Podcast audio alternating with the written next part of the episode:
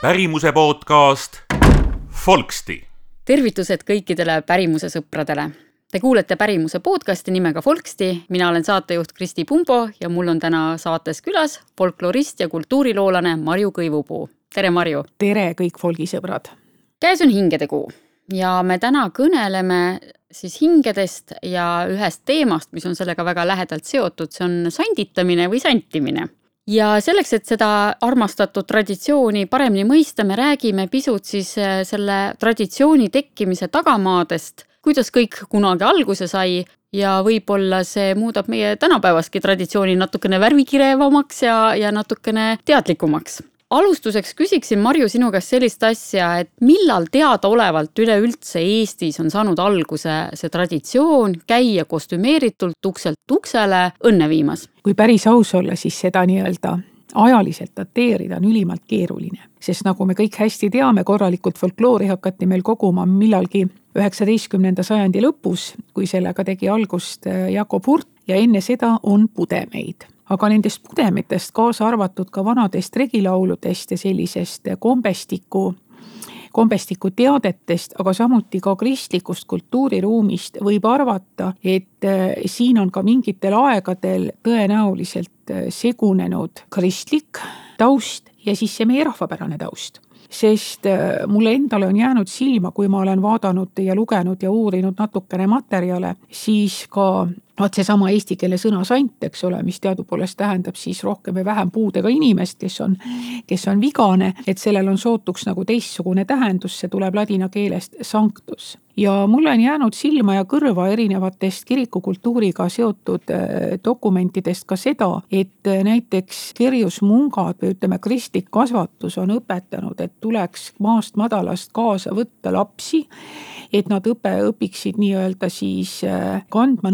nõrgemate eest hoolt. Et äh, noh, me teame, et äh, ütleme ka Euroopas sellistel kalendritähtpäevadel, mis on seotud lahkunute austamisega, käiakse ukselt uksele, lauldakse mõni vaimulik salmikene, antakse vastu, eks ole, kakukene ja selle eest siis peab nagu surnud hinge eest paluma et nagu seda on nagu peetud kristliku kasvatuse heaks inimese kasvatamise niisuguseks eh, viisiks, et, et, et seda, mis sul on, tuleb aeg-ajalt jagada ka nõrgematega. nüüd, mis viitab nagu selle kombe sellisele traditsioonilisusele, mis on ehk eh, nii-öelda, ehk on eh, moel või teisel nagu kulgenud siis pisut nagu teisi radu, kui seda on kristlikud arusaamad, on näiteks see, et meie just äh, piirkonniti on veel säilinud ja mitmel pool on siis äh, maskeeritud ennast loomadeks või lindudeks, mis osundab mingitele erilistele seostele äh, loomade ja lindudega, kes hingede ajal siis tulevad inimesi külastama. Ja kui me loeme neid vanemaid mardilaule, mis on oluliselt pikemad, kui tänapäeval lapsed viitsivad õppida, isegi siis, kui nad vanu rahvalaule õpivad siis räägitakse seal väga sellisest pikast teekonnast, kust mardid on meie juurde tulnud et kust nad kõik läbi kahlavad ja kust nad tulevad ja noh, see sõltub muidugi lauliku sõnaosavusest. aga, aga lühidalt võib öelda, et see teekond on olnud väga pikk ja see on olnud väga ohtlik, mis osundab, et nad nagu tuleksid noh, nii-öelda teisest maailmast meie juurde. ja kui me aeg-ajalt laulame ka Mardi ja Kadi lauludes, et varbad valutavad ja küüned külmetavad, et ka see võiks olla vihje, et tegemist võiks olla kombega, mis on seotud hingede ajal eh, nii-öelda surnud hingede eh,, surnud hingede koju jõudmisega, et nad käivad korraga et noh, nad paluvad, laske meid korraks tuppa, et me saaksime sooja, et see võib olla siis ka väga vana hingetaja komme eh, mis puhul nagu siis inimesed on etendanud eh, lahkunud esivanemate hingi ja mis nagu ikka kõik sellised eh, ütleme, väga paljutusundilised traditsioonid on ajapikku saanud ja kujunenud selliseks meelelahutuslikuks laste repertuaari ja noorte repertuaari osaks, see on viis, kuidas veeta oma vaba aega, ütleme veel eh, ka e-, tuhande üheksasaja kolmekümnendatel, neljakümnendatel, ega külanoortel ei olnud ju väga palju neid lõbutsemisvõimalusi. ja noh, näiteks ma alati ka oma folklooriloengutes loen ja toon näitena Friedebert Tuglase väikest Illimari, kuidas seal käivad need kadrisandid, et see on niivõrd ehedalt ja annab just nimelt Tuglase lapsepõlve aegset sellist nii-öelda mõisaelu ja, ja mõisat ümbritsevate siis inimeste ja ametmeeste elu ette. et kuivõrd oluline on see olnud lõbustus ja tõenäoliselt juba ka sellel ajal me noh, niimoodi ei mõtle, et, et, et kes nad on, nad tõid vaheldust, pühade aega. jah, et ega, ega siin muud ei oskagi, muud ei oskagi öelda. et nii nagu Mardi lauludes ja Kadri lauludes öeldakse, et nad on, et, et see komme on ka tulnud meile väga-väga kauge aja tagant ja ja selle, selle pika tulemise käigus on ta võtnud siis väga erinevaid vorme ja viise. sa mainisid Mardi ja Kadri sante ja ometi, kui me natukene loeme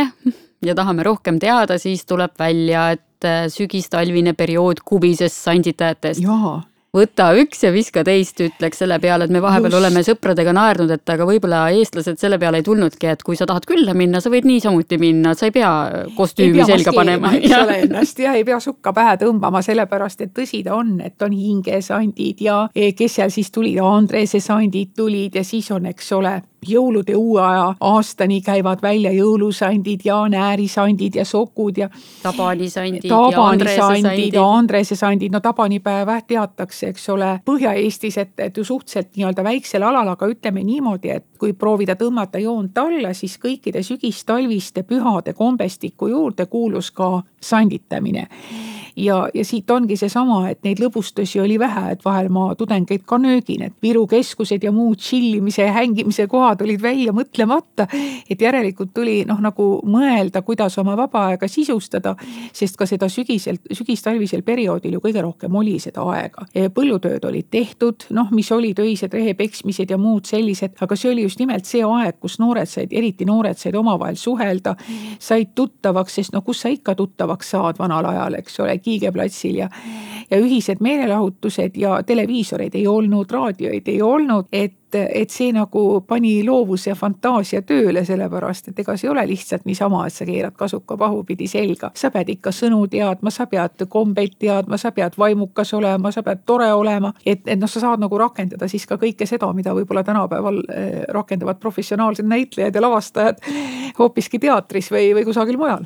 sa juba mainisid küll äh, sõna noored, aga ma igaks juhuks räägiksin või küsiksin üle sellise küsimuse, et kui tänapäeval on see santimine laste käes ja ema ootab autos maja ees, millal lapsed oma santimise lõpetavad, siis kuidas see mõned sajad aastad tagasi oli, et kuidas see vanuseline koosseis on muutunud ja, ja näiteks sanditajate sugu? ma olen ise ka tegelikult püüd-, noh, pannud kirja just eh, oma niimoodi välitöödel seal kaheksakümne, tuhat üheksasada kaheksakümnenda lõpp kuni ütleme sinna aastani kaks tuhat. Ja need inimesed, noh, kelle käest ma nagu sanditamiskommete kohta ise kogusin, eh, olid sündinud eh, kas siis ütleme tuhat üheksasada, kas sealt natukene edasi ja ütlesid just, meenutasid ikkagi seda, et suuremalt jaolt olid nii-öelda vallalised noored, et noored, kes olid nii-öelda leerist läbi saanud, mis tähendas ju sellel ajal ka seda, et sa võid nii-öelda naist võtta ja mehele minna, eks ole, et sa oled noor täiskasvanu. et ta oli ikkagi nagu noorte täiskasvanute meelelahutus, kus siis lõid sageli kaasa ka kas siis abielus täiskasvanud, kellel oli siis kas aega, tahtmist ja viitsimist või siis ka need, kelle kohta me tänapäeval ütleme, et vanatüdrukud ja vanapoisid, et kellel seda aega oli pisut rohkem, eks ole. et üldiselt äh, ma ei ole väga komistanud selliste teadete otsa, et nüüd väga abielurahvas oleks käinud, aga samas on ka see, et äh, ma olen õppinud ka kõike kirja pandud võtma teatavate reservatsioonidega, sellepärast et ega meil väga kaugetest aegadest neid süsteemseid selliseid kirjapanekuid ei ole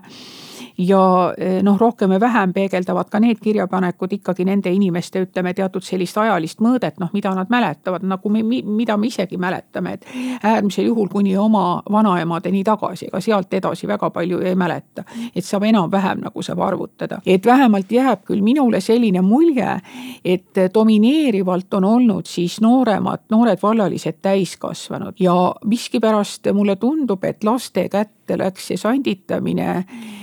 pärast nii-öelda pärast viimast suust sõda ehk siis nõukogude ajal. see sõda ja vapustused ühiskonnas raputasid kõiki üksjagu palju aga samas oli kuidagi see, et, et see oli ka aeg, kus tegelikult koolides noh, niisugust ütleme, rahvapärimust või sellele pöörati nagu tähelepanu, näiteks ma praegu korraks põikun teemast, aga ütleme, üsna tavaline oli vastlakarnevalide korraldamine, kuigi keegi tegelikult ei rääkinud sellest, et noh, vastlakarnevalid ongi sellised noh, ka täiskasvanute lõbustused enne väga pikka paastu, et sellel on väga sügav, ütleme, kristlik tagapõhi, et meelelahutus, aga samamoodi näiteks Mardi ja Kadri sandid käisid ja ja lapsed said osa ja nagu koolides korraldati, et võib-olla nõukogude ajal sellise, selline rahvapärimusel oli noh, koolides ehk natuke rohkem ruumi, kui seda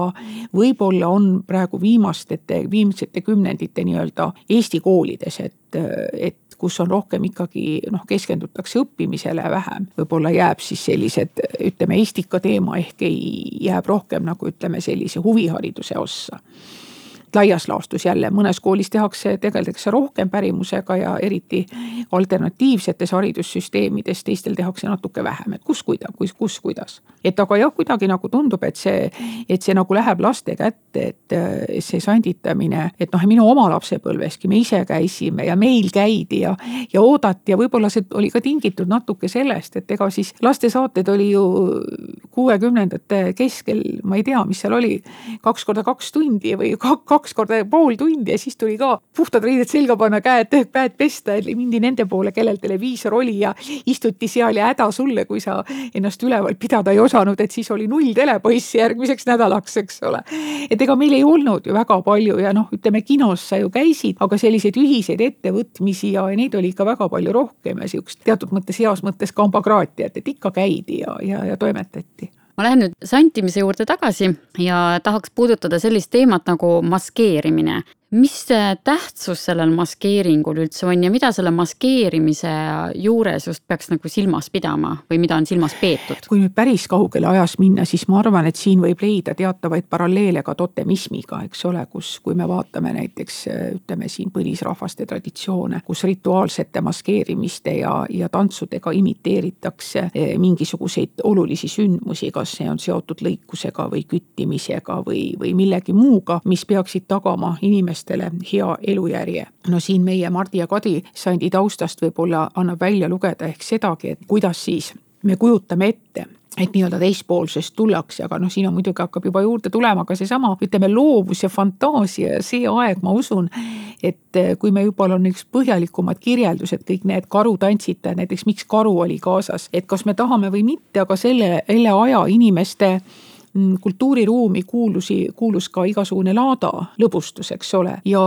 ma julgen küll arvata, et ka meie omamaised mardisandid said sealt nii mõndagi eeskuju, kus noh, ka praegu kirjeldame, kuidas karutantsitaja tuleb või ta tuleb pilliga ja midagi tehakse ja mina näen seal küll nii-öelda teatavaid laada eeskujusid, eks ole, mida siis noh, mängitakse järgi no.. habemega naised ja. habemega naised ja kõik muud säärased asjad, et kindlasti on seal tugev annus ka selliseid üldkultuurilisi mõjusid. noh, või näiteks, mille kohta ma nagu ise olen kogunud ja kui ma praegu nüüd peast arvutan, siis ma kujutan ette, et, et noh, nad olid noored mingi tuhat üheksasada kakskümmend, ütleme seal või midagi sellises vanuses.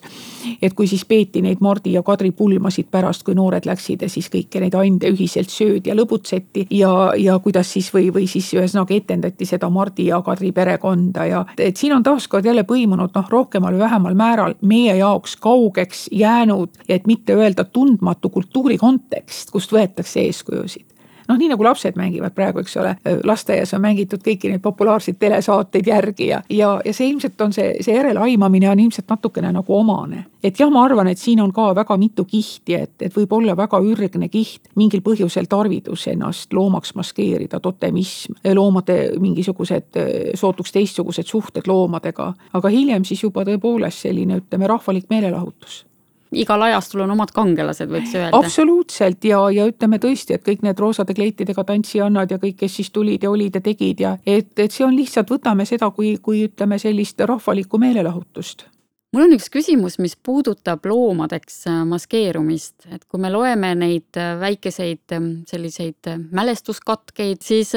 seal mainitakse erinevaid loomasid ja lindusid, kelleks maskeeriti, et kui ma nüüd mõtlen hundi peale ja me kõik teame, kui palju halba hunt talurahvale vanemal ajal tegi ja kuidas temast rääkides kasutati sünonüüme, et mitte kurja karja kutsuda, et hallivatimees ja kriimsilm ja metsatöll ja mis iganes et kas maskeerumise puhul võis olla ka mingeid tabusid, et näiteks, et selleks, et hunti mitte karja kutsuda, et ma hundiks ennast ei maskeeri, aga ma maskeerun karuks näiteks või haneks? võib-olla me natuke mõtleme siin üle, sellepärast et et, et karu suhtes on samamoodi kehtinud tabud ja paljude teiste loomade suhtes. ma pigem siiski läheks seda teed, et need Mardi ja kadrisantide kirjeldused, mis meieni on jõudnud, on pigem siiski ütleme sellise rahvaliku laadalõbustuse järelkajad, sest et kui ma praegu vaatan, noh kogu Euroopas ütleme, just siin see karukonverents oli hiljuti ja kui ma vaatasin seda, noh ma oma ettekandes just peatusin hästi palju nendel karutantsitajatel, et kui karu tuli ka tallu ja kuidas karu viidi loomalauta ja abielu äh,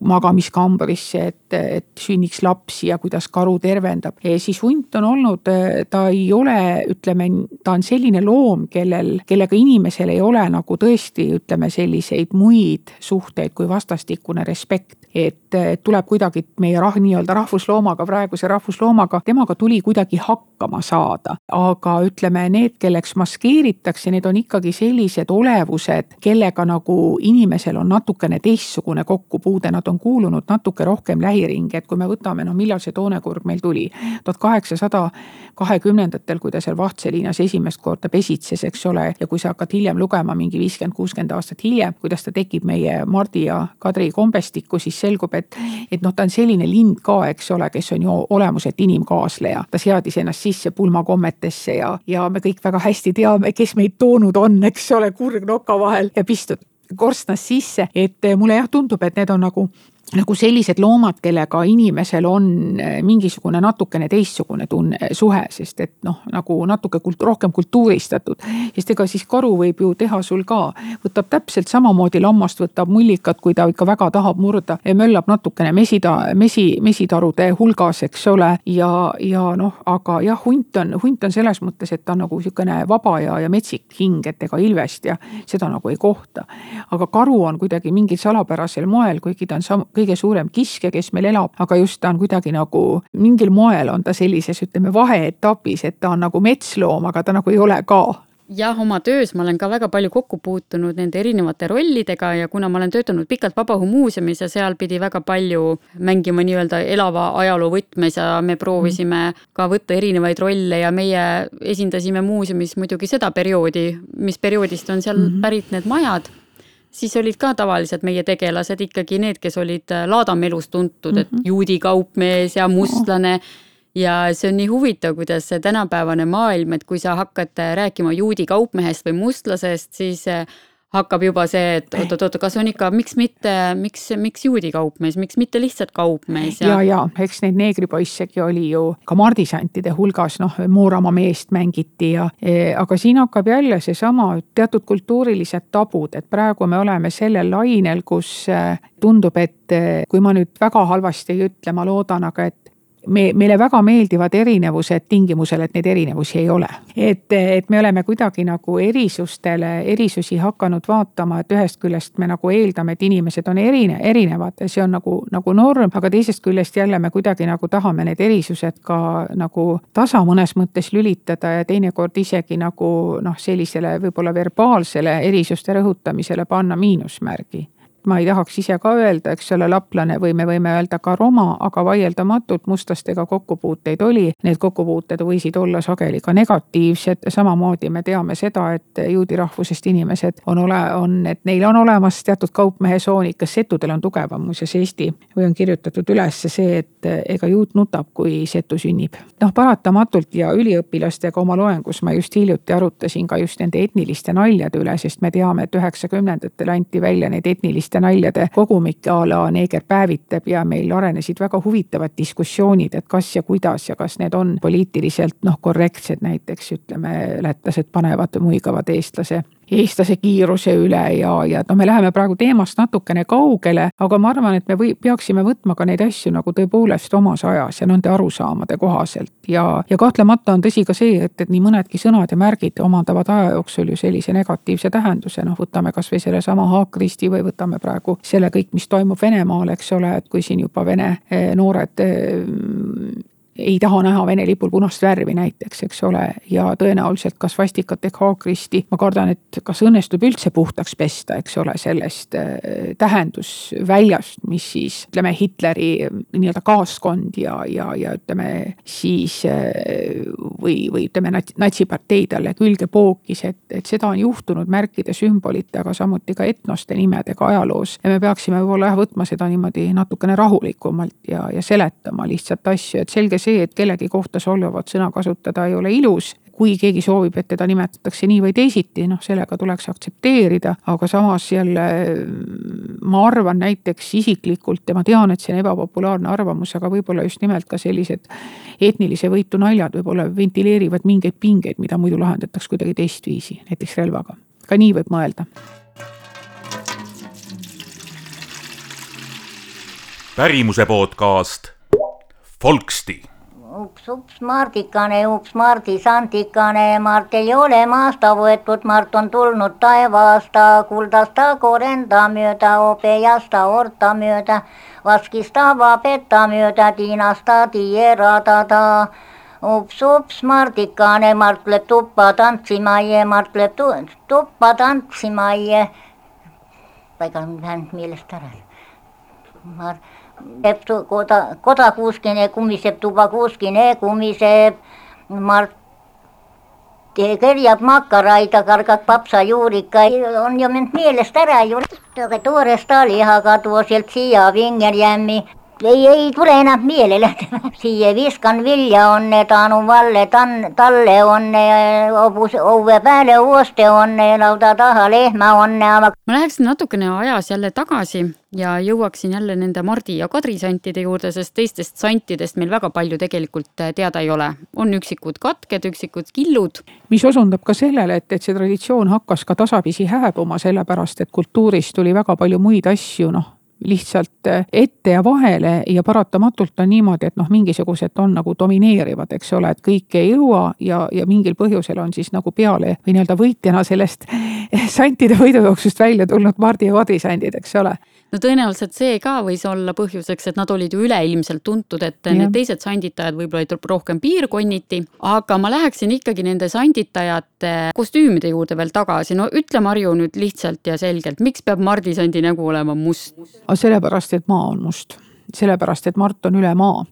et ta sümboliseerib viljakust, see jälle taaskord, eks ole, see nüüd sooline ahistamine, aga noh, mehed ja kui nad tulevad, jumal teab kust, eks nad ongi siuksed tumedad ja karvased, et see sümboliseerib teispoolsust, pimedust, aga miks mitte jah, sedasama musta maad, no täpselt samamoodi, miks meie lipul on must triip, eks ole väga huvitavaid seoseid võib leida.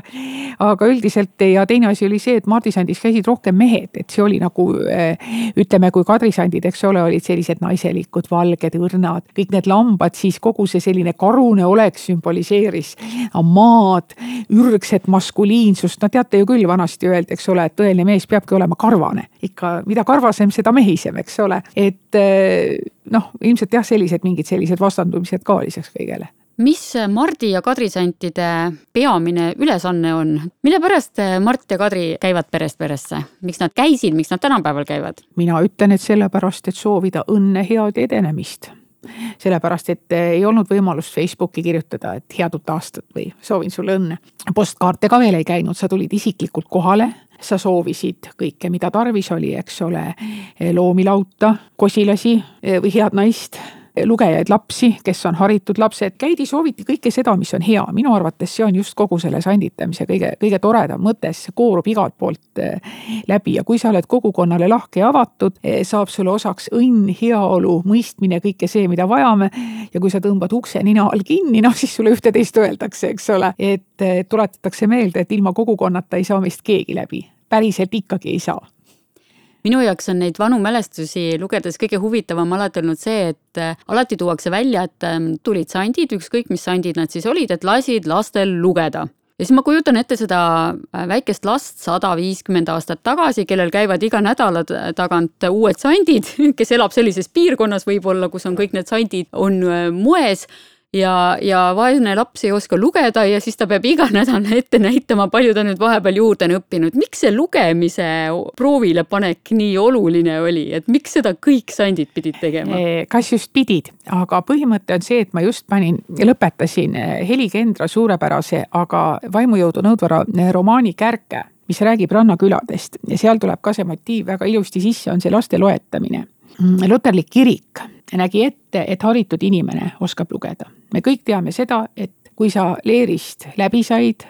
sa pidid oskama lugeda, sest kui sa lugeda ei oska, siis ei oska sa ise lugeda piiblit, sa ei oska ise piiblit tõlgendada ja sa ei oska ka oma lapsi kultuurseteks inimesteks kasvatada, aga külakoole sellel ajal ei olnud. ja vot selles samas kärges siis see vana perenaine arutabki, et mille, mille paganama päralt lapsi on vaja viia kooli et me saame ise neid ju kodus lugema õpetada, sest kirjutada inimesed sellel ajal ju ei osanud. ja kui ma siin meenutasin Tuglase väikest Illimari, siis seal käivad kadrisandid ja seal on täpselt sama hirm, eks ole, et, et küsitakse, kas sa lugeda oskad. ega sa järgmiste santide puhul rohkem lugema ju ei pidanudki. muuseas, see on seesama põhjus, miks me loeme jõuluvanale salmi kui sa oled pannud tähele, siis enamik rahvas ei loe, aga kui jõulutraditsioon meile jõudis ilma santideta küll ja kui kutsuti siis kas mõisasse või kooli, siis laps pidi ikka piiblist mõnda värsikest teadma, siis oli ta hea laps noh, ja nüüd me siis õpimegi salme, kuigi me oskame lugeda ja kirjutada, aga ikka mõnda salmi teame. käidi, käidi ka ametlikult lapsi loetamas, et see on olnud meie kultuuri ja hariduse osa.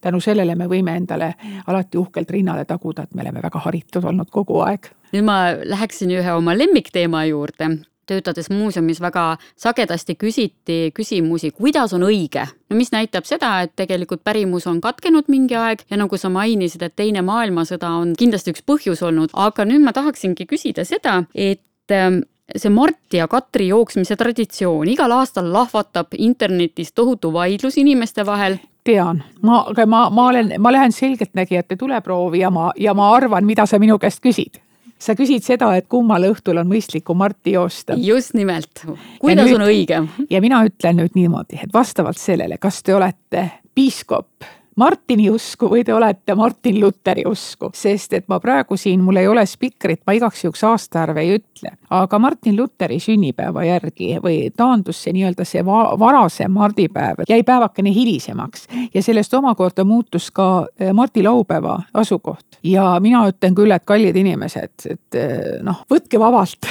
et, et võib-olla see ei ole nüüd see koht, kus me peaksime näpuga järge ajama, aga tõsi ta on, et vanem kihistus on, eks ole, võtnud selle sellepärast, et see Püha Mardi või noh, kelle järgi siis Martin Lutterusele nimi pandi, ikka, eks ole, tema eh, läheduses sündinud piiskop Martini järgi. aga paraku jah, neil on sünnipäevad nii-öelda sisuliselt järgnevatel päevadel ja see ongi tekitanud selle segaduse, sest pühade laupäev on, ei ole mitte siis nädala mõttes laupäev, eks ole, mis tuleb pärast reedet, vaid pühade laupäev on see laupäev, mis eelneb pühadele pühadele. ja väga paljud sellised meelelahutuslikud tegevused ongi seotud pühade laupäevaga, et laupäeval joostakse, möllatakse ennast välja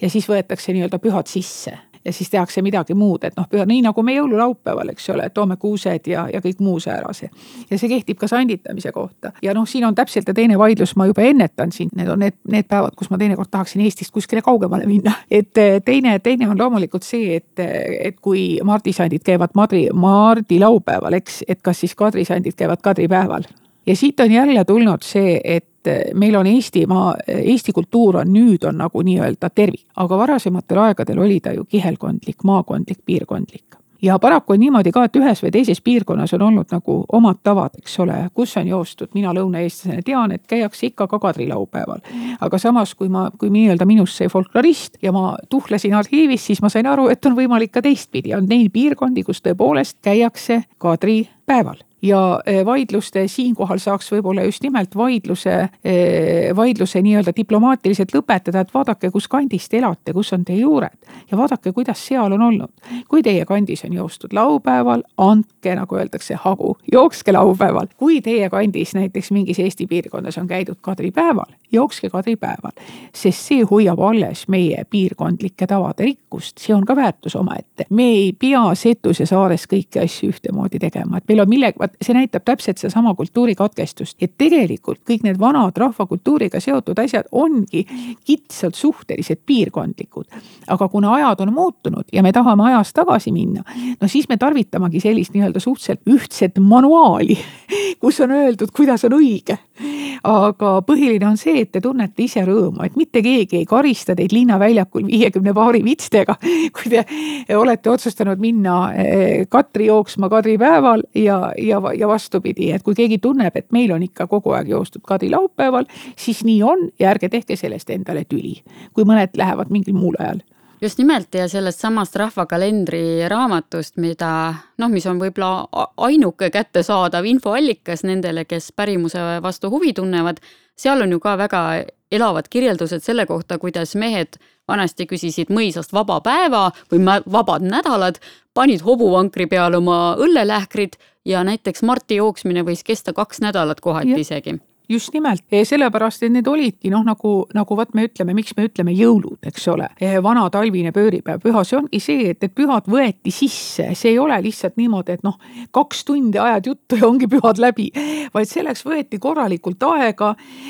tõepoolest tehti õlut, tänapäeval me ütleme siis niimoodi, et laeti akusid või, või lasti aur välja ja siis pöörduti tavalise elu juurde tagasi et noh, elukorraldus oli kahtlemata teine, et nii nagu meil näiteks on Eh, vasta liugu väga keeruline teinekord lasta just nimelt teisipäeval, sellepärast kõik on tööl ja siis me tahame selle liu ära lasta pühapäeval, kas eelneval või siis järgneval laupäeval, pühapäeval. me elukorraldus kindlasti ei ole eh, selline, nagu see oli sada aastat tagasi, ega me ei saagi seda ratast nüüd tagasi pöörata. aga me saame traditsioone hoida ja, ja tõepoolest uurida ja vaadata, kuidas oma kandis on tehtud ja nii öeldagi, et mitte, et see on vale, vaid öelda, meie kandis on olnud niimoodi kombeks just, ja näiteks üks asi veel, mille peale võib-olla ka tänapäeval nagu vähem mõeldakse, on see, et kui sa lähed santi jooksma, siis tänapäeval need äh, sanditajate kavad on väga lühikesed, aga võta üks äh, Mardi või Kadripäeva laul, võta kusagilt äh, regilaulude andmebaasist ja laula see ette niimoodi, et üks laulab ees, teine järel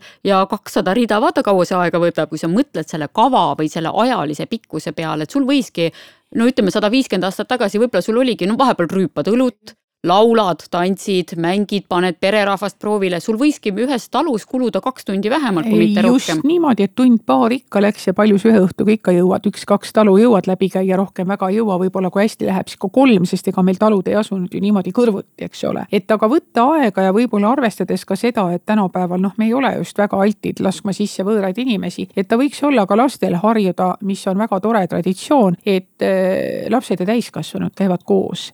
ja võib-olla ka leppida kuhu tullakse, et ka see pere on moraalselt vastuvõtmik valmis, mitte et ta viisakusest, ütleme niimoodi, et on kannatava näoga, nagu tahaks kohe tualetti minna et, et võib-olla ka see ei ole tore, kui ega laps tajub ära, kui tegelikult viisakuse pärast välja kannatatakse ja antakse talle siis need kommid või midagi, eks ole. aga just nimelt, et, et võib-olla siis ka sõpruskondades ja niimoodi, et see oleks tõesti kõikidele võrdselt tore ja, ja seda saab nagu eelnevalt kokku leppida, ma arvan küll, tänapäevasel ajal ei ole see väga keeruline. tahtsin peatuda veel sellisel küsimusel, et vanemal ajal oli sanditajaid mitmeid, hingesandid, Andrese sandid, Tabani sandid ja nii edasi. ja on teada näiteks üks huvitav asi, et äh, Lucia sandid on tulnud tegelikult Eestisse kahel korral lausa, et kunagi see komme oli, ta suri välja ja nüüd kaheksakümnendatel ta tuli uuesti, tuli rootslaste kaudu meile tagasi, aga natukene teistsugusel kujul. nagu me rääkisime, et sõda on, on sündmus, mis vapustab tegelikult ühiskonda väga pikaks ajaks, ta lõikab läbi kõik need loomulikult toimimismehhanismid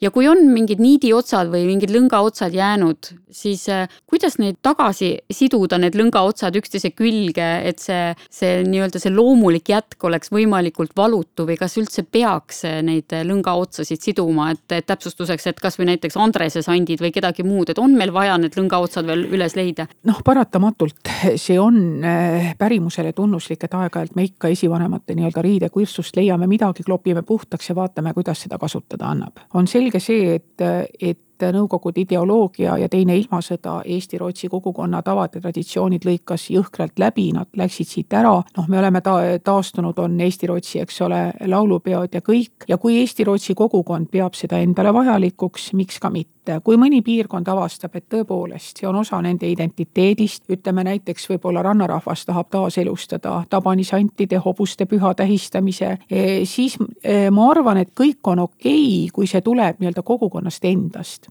kui me hakkame ülalt poolt nii-öelda juhiseid andma, mida tähistada ja kuidas tähistada, noh, enam-vähem nii, nagu nõukogudel oli, et olid arvukad manuaalid ja juhised, et millised rahvariided kanda ja mida teha, siis võib-olla ma väga selle poolt ei oleks, küll ma olen seda meelt, et kui näiteks kogukond leiab, et meie, meie piirkonnas on olnud, et nad võib-olla näiteks äh, paluvad kas loengut või tausta avamist või täiendavaid materjale või midagi, et selle, selles osas võiks aidata ju küll. ja ma olen ka kindlasti seda meelt olnud viimased kolmkümmend, nelikümmend aastat, et hoiame oma piirkondlikkust. kui eesti-rootslased Vormsi saarel või kusagil Lucia päeva tähistatakse, miks mitte. aga sellisel juhul ma ütlen, et armsad lõunaeestlased, otsige üles käedepäiv, ajage kärbseid kotti, et otsime, otsime palun üles meie oma kandi pühad. teeme kõigepealt oma kodu selgeks, et me ei pea tegema kõike seda, mida teevad hiidlased, ütleme Kagu-Eestis ja, ja Hiiumaal ei pea tegema seda, mida tehakse Setumaal, Kihnus või seal, et hoiame ja, ja hoiame elus ja, ja võib-olla tõesti leiame oma piirkondlikust vanaemade aardekirstust midagi, mis on olnud meie piirkonnale iseloomulik ja vaatame, kas ta ärkab ellu, ühesõnaga, kas see sipsik hakkab meiega rääkima. kui ta hakkab rääkima, me võtame ta omaks ja ta, ja ta noh, niimoodi sobitub kuidagi loomulikult ja orgaaniliselt. Kindlasti ta, kui ta tagasi tuleb ühel või teisel viisil, ta on natuke teistsugune, kui ta oli sadu aastaid tagasi, siis see on ainult tervitatav millal sa ise viimati santi käisid jooksmas? mina ise käisin viimati oma üliõpilastega santi jooksmas millalgi üheksakümnendate keskel ma ütleks, et selle, kui ma nüüd hästi mäletan, kas see oli nüüd see Mardi sanditamine, aga ma mäletan seda, et me jõudsime järeldusele, et, et üheksakümnendate mingi üheksakümmend kolm, neli Tartus vähemalt Mardi santide suurim saak. me käisime vahepeal isegi neid minu juurde koju toomas, oli meeletu kogus kolmeliitrilisi ploomikompotti purke. me lihtsalt ei jõudnud neid tassida. käisime vahepeal eh, minu juures staabis ära, panime kolmeliitrilised ploomikompotti purgid maha ja läksime aga jälle Nendest mardisantidest on tänapäevaks saanud väga paljusid väga tublid folkloristid, kirjanikud ja muud kultuuritegelased, aga ma arvan küll, et ta jääb mingi üheksakümmend, üheksakümmend neli, viis võib-olla jah, isegi, oi, hiljem. me käisime üheksakümmend kuus või seitse käisime, käisime Kadrisandis Lõuna-Eestis ja see on see koht, kus mul on vist on tulnud ükskord elus ka pisut bussi juhtida. Nii et ja ühesõnaga ma, ma eh, ütleksin uhkelt, lõpetaksin nagu Tammsaare, et see oli möödunud aastatuhande viimasel veerandil. aga ole nüüd siis ennustaja jälle, mis sa arvad, kui kaua santimistraditsioon Eestis jätkub? nii kaua, kuni see pakub meile rõõmu ja, ja iseolemist ja, ja nii kaua, kui see pakub võib-olla ka lastele, pakub teatavat sellist loovust aga kindlasti on see üks viis juhatada eh, meie lapsi võib-olla huvi tundma esivanemate pärandi vastu. peaasi, et me ei teeks seda niisuguses dotseerivas, pealetükkivas ja sellises, kui sa Mardi sandiks ei lähe, siis tead, ma ütlen sulle sa ikka ei ole õige eestlane, et mul on vahel natuke hirm, et, et, et peaasi, et kui me nii-öelda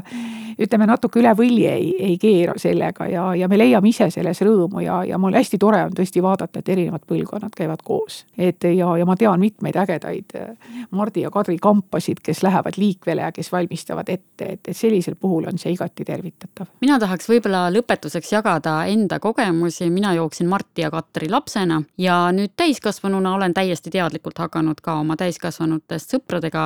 seda tegema. ja möödunud aastal oli meil Tallinnas oli olid külas kreeklased, Kreeka folklooriürhm ja neil on ka maskeerimistraditsioon, aga neil ei ole see ukselt uksele käimine, vaid ongi karnevali stiilis. ja me käisime nendega siis Katri jooksmas Tallinnas ja ma pean ütlema, et äh, see tunne või see elamus, mida ma sain sellest, kui me kõndisime perest peresse, talust tallu nii-öelda Tallinna linnatänavatel, kuidas bussijuhid andsid meile signaali, autojuhid lasid aknad lahti, hõikasid elagu kadrisandid, inimesed tulid akendele, sest meil oli kaasas karmoška mängija, kes mängis pilli, meile lehvitati. see tõi mulle küll täiesti pisara silma või ma tundsin äkki selles anonüümses pealinnas, et kõik ei ole veel kadunud nii on ja mida ma veel tahaks öelda, minu Tallinna kogemus oli see, et minu esimesed ma ei mäletagi, kummad nad olid, kas Mardi või Kadri sandid, olid siinsed vene lapsed, kes laulsid nii mõnusa aktsendiga.